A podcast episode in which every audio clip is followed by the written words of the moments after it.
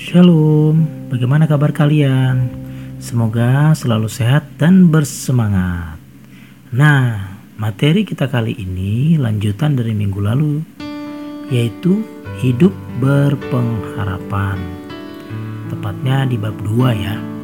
Kalian bisa buka buku elektronik kalian yang sudah Bapak bagi di Telegram. Tepatnya di halaman 10 sampai dengan halaman 13. Terus untuk bacaan Alkitab ya yang berhubungan dengan hidup berpengharapan yaitu terdapat dalam 2 Korintus pasal 4 ayat yang ke-8. Bunyinya gini. Dalam segala hal kami ditindas namun tidak terjepit. Kami habis akal namun tidak putus asa. Nah, ini perkataan orang-orang yang hidupnya berpengharapan. Nah, sebelum lebih jauh masuk ke materi, ya kalian dengarkan dulu nih kisah nyata tentang hidup berpengharapan. Tepatnya di kota Tagaste, Afrika Utara. Di sana tinggallah keluarga dengan tiga orang anak. Hmm, kalian bayangin ya, tiga orang anak. Ada seorang ibu ya, ibunya bernama Monica. Ia adalah seorang Kristen yang taat. Sementara sang bapak bernama Patricius, seorang pejabat tinggi di pemerintahan yang membenci kekristenan. Wah, pejabat tinggi tapi membenci kekristenan. Ngeri juga ya. Tak segan-segan ya Pak Patricius ini mencemooh istrinya bila hendak mengajarkan iman Kristen kepada anak-anaknya. Di bawah pengaruh buruk inilah anak sulungnya hidup dalam pesta pora, foya-foya, bahkan pergaulan bebas. Wah, ngeri banget. Namun walaupun seperti itu sang ibu terus menasehati anak ini. Tapi tetap saja bandel. Akhirnya melihat perilaku anak sulungnya ini, Ibu Monica sangat sedih. Segala cara sudah ia coba untuk menyadarkan anak sulungnya ini. Namun, Monica selalu gada, gagal. Tapi ia tidak putus asa. Tetap dengan sabar ia terus berusaha membimbing anaknya. Ia juga tidak pernah putus berdoa bagi anak dan suaminya. Katanya Ibu Monica ini, kiranya Tuhan yang maha baik dan maha kasih melindungi dan membimbing suami dan putraku ke jalan yang benar dan dikehendaki Tuhan. Nah, seperti itu doanya. Dia doakan terus, doakan terus bertahun-tahun dengan tekun dan tabah. Wah, luar biasa Ibu Monica ya.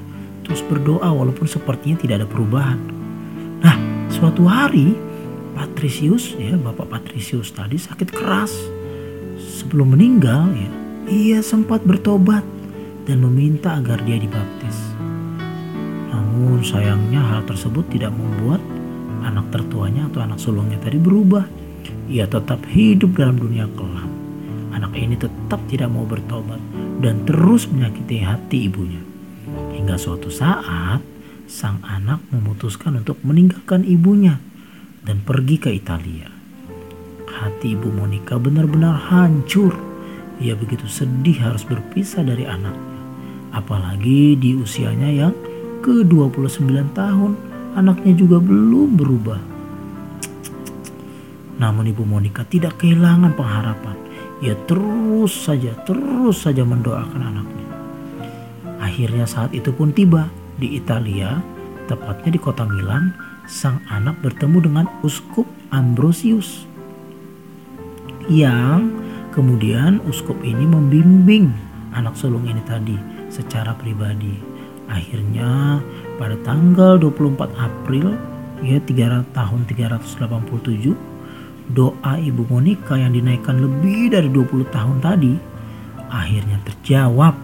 Hari itu anaknya yang sulung ini memberikan diri untuk dibaptis. Wah, luar biasa. Ia memutuskan hidup baru dan bertobat untuk kemudian meninggalkan dosa-dosanya. Tujuh bulan kemudian, sang anak kembali ke Afrika Utara dan menjadi apa? uskup di Hippo.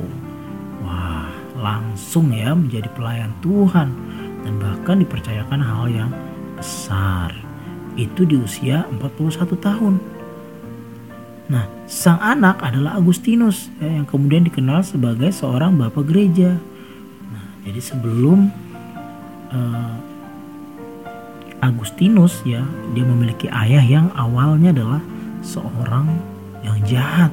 Namun karena ada ibu Monica yang senantiasa mendoakan anak sulungnya tadi ya, akhirnya terjadi keajaiban. Ya, seorang yang kemudian ya seperti ibu Monica ini tidak pernah kehilangan pengharapan, tidak pernah putus asa. Ia terus saja mendoakan anaknya jadi pengharapan yang mengubah hal yang sebelumnya mustahil menjadi kenyataan. Nah, yo, siapa yang punya pengharapan dalam Kristus? Ya, seharusnya dalam Kristus berpengharapan.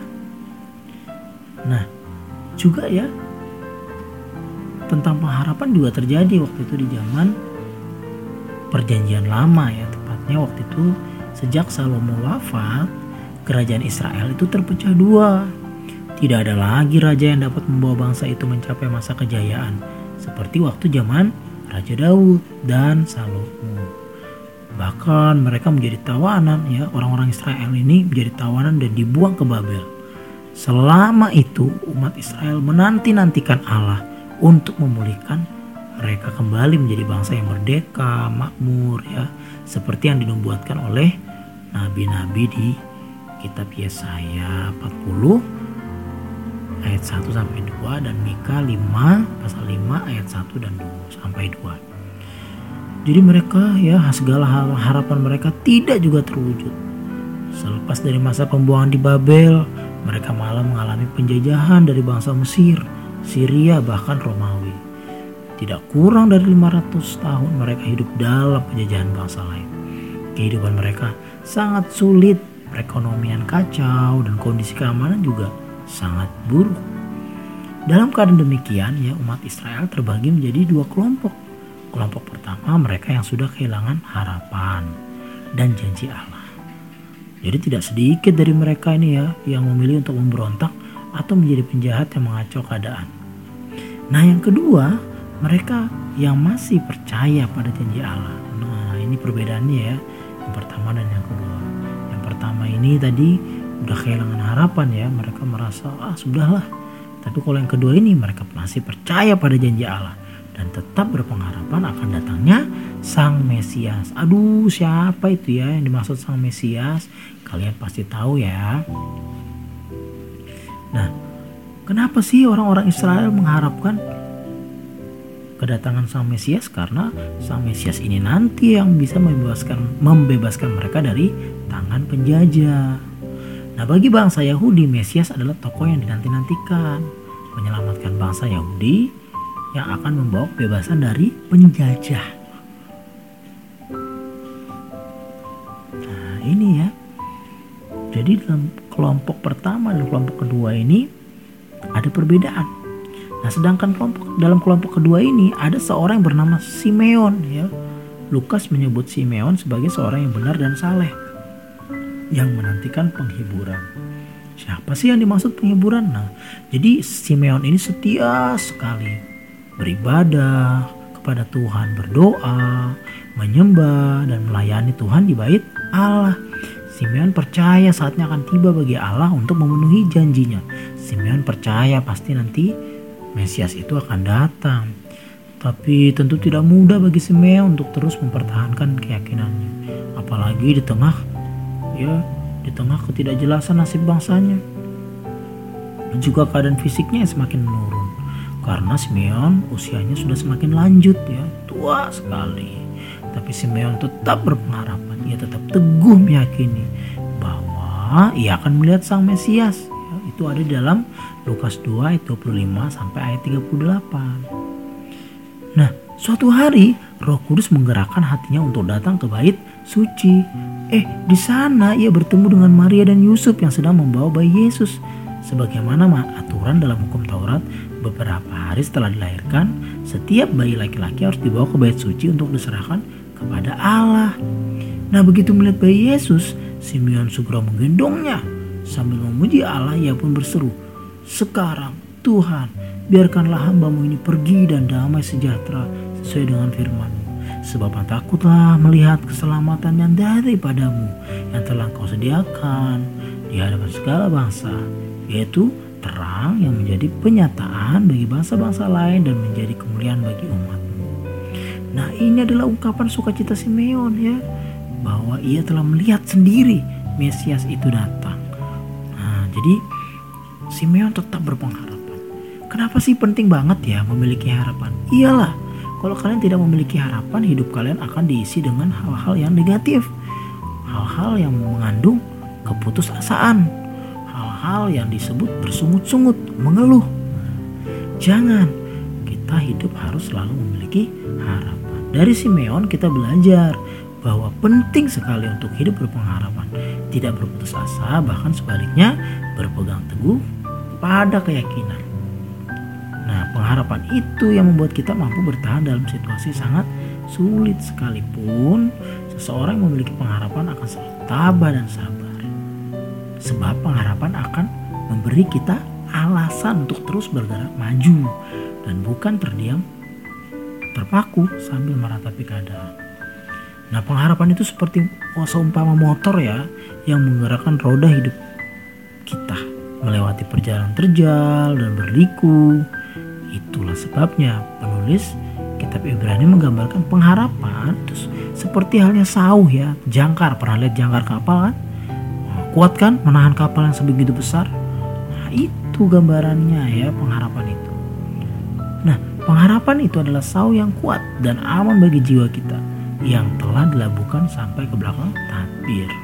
Ini dalam Ibrani 6 ayat 19. Nah, sebuah kapal tanpa sahu pasti akan mudah lepas dan terbawa ombak. Ya, jadi sahu itu harus kuat. Nah, kisah Simeon adalah contoh betapa pengharapan yang dipegang teguh tidak akan sia-sia. Ayo kalian, apa yang kalian harapkan? Asal kalian terus membawa dalam doa, terus berpengharapan dan percaya kepada Tuhan. Kalau itu mendatangkan kebaikan, pasti Tuhan akan jawab.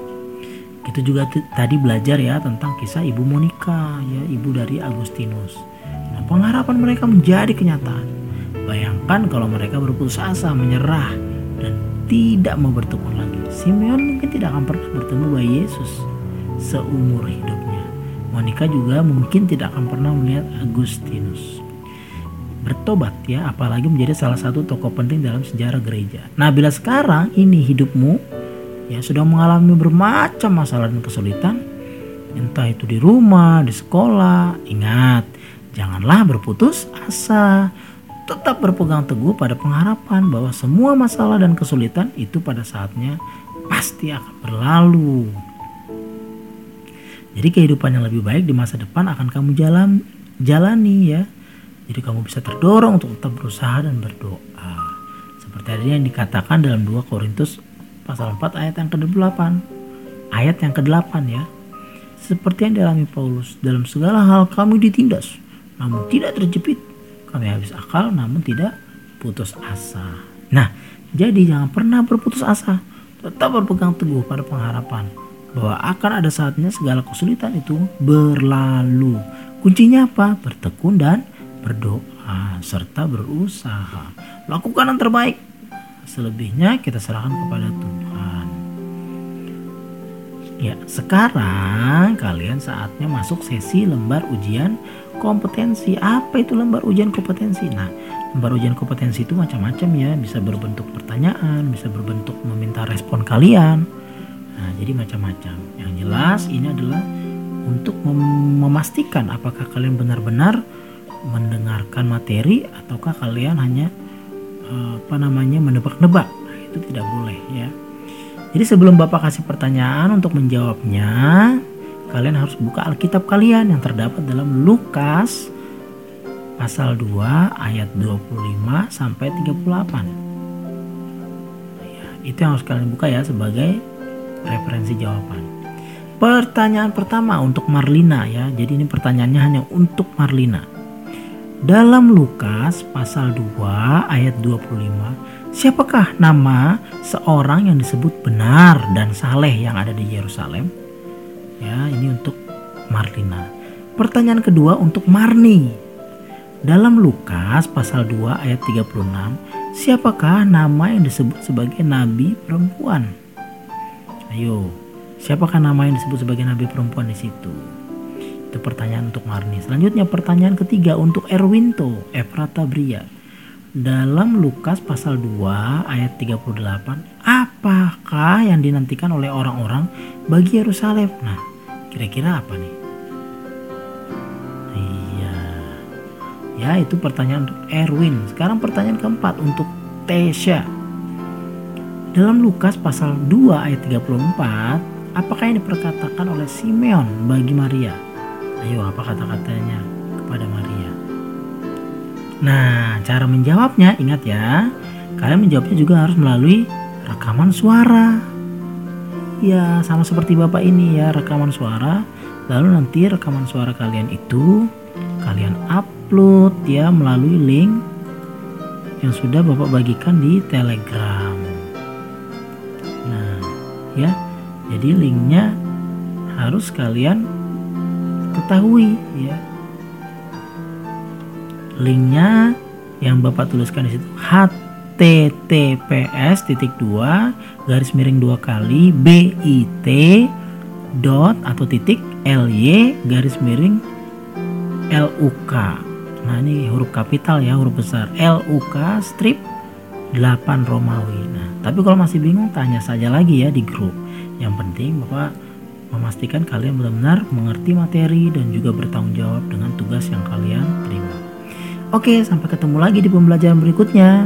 Tetap semangat dan pantang menyerah. Tuhan Yesus memberkati. Shalom.